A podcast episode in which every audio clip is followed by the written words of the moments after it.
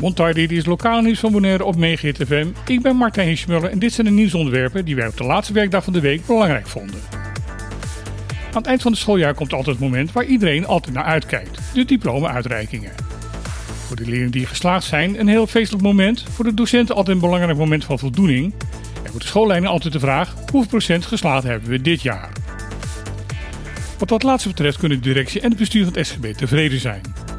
Verwachting is dat 90% van de examenkandidaten van het VMBO zullen gaan slagen. Het precieze aantal is nog niet bekend, want een aantal leerlingen hebben gisteren nog een herexamen gedaan. Het MBO kregen 139 studenten hun diploma. Dat is het hoogste aantal in de geschiedenis van de school. Bij de schoolunions hebben deze week een feestelijke bijeenkomst gehad waar de diploma's bij het bijzijn van vrienden en familie werden overhandigd. Bij de uitreiking van het VMBO was ook gedeputeerde Jolinda Kraan aanwezig. Ze sprak de hoop uit dat dit diploma niet het eind van de reis van de leerlingen zou zijn, maar juist het begin van een nieuw avontuur. Het aantal toeristen dat Bonaire komt bezoeken blijft omhoog gaan. Dit ondanks inflatie, hogere ticketprijzen, toeristentax en duurdere overnachtingstarieven. Het afgelopen half jaar mocht Bonaire 88.749 stay-over-bezoekers ontvangen. Dat is 3,3% meer dan in 2022 en maar liefst 6,8% meer dan in het pre-corona-jaar 2019. Waar de toeristen vandaan komen blijft redelijk stabiel. Bijna de helft is afkomstig uit Europees Nederland en kwart uit Noord-Amerika. Al deze bezoekers bleven gemiddeld 9 nachten op het eiland. Wat opvalt is het hoge aantal nieuwbezoekers op het eiland. 40% is nog nooit eerder op Bonaire geweest. 25% is 2 tot 5 keer geweest, 35% zelfs vaker dan 5 keer. Wat ook opvalt is dat de Bonaire-ganger over het algemeen niet meer piepjong is. De helft is namelijk 45 jaar of ouder. Het stadion van Kralendijk zal de komende maanden worden opgeknapt. De bedoeling is dat het stadion weer een plek gaat worden waar je graag naartoe gaat en waar het aangenaam vertoeven is.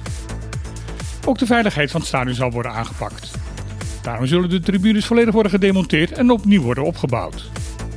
Ook de verlichting zal vervangen gaan worden. Wat wel opvallend is, omdat deze verlichting al een paar jaar geleden vernieuwd was. In verband met de werkzaamheden zal het stadion gesloten zijn van half juli tot eind september. Gedurende deze tijd zal er uitgewerkt kunnen worden naar het stadion van Rincon, dat al enige tijd geleden is opgeknapt. Steeds weer staken de afgelopen jaren verhalen op dat het huidige stadion zal gaan verdwijnen en op een andere locatie opnieuw opgebouwd zal gaan worden. Ook ging de laatste maanden het gerucht dat op de plek van het huidige stadion een ondergrondse parkeergarage gebouwd zou worden, met daar bovenop een nieuw stadion. Met de aankondiging van deze opknapbeurt kunnen dit soort verhalen duidelijk naar het Rijk der Fabelen worden verwezen. Dan tot slot van deze week nog een leuk bericht voor alle damliefhebbers op Bonaire. Eind september zal op zuster-eiland Curaçao de wereldkampioenschappen dammen worden georganiseerd. Hierbij zullen zowel bij de vrouwen als bij de mannen, de allerbeste dammers van de hele wereld, de strijd aangaan voor de wereldtitel. Bij de mannen kan dit een interessante strijd worden, omdat de huidige wereldkampioen, de Nederlander Roel Boomstra, zijn wereldtitel niet zal gaan verdedigen. Ook bij de vrouwen wordt het een open strijd. Het is namelijk niet waarschijnlijk dat de huidige kampioen, Tamara Tanzikuzina uit Rusland, haar de titel zal gaan verdedigen.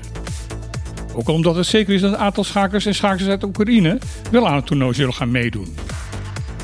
Mocht je dus de damsport een warm hart toedragen, is misschien verstandig om nu alvast op Curaçao een slaapplek te in deze periode.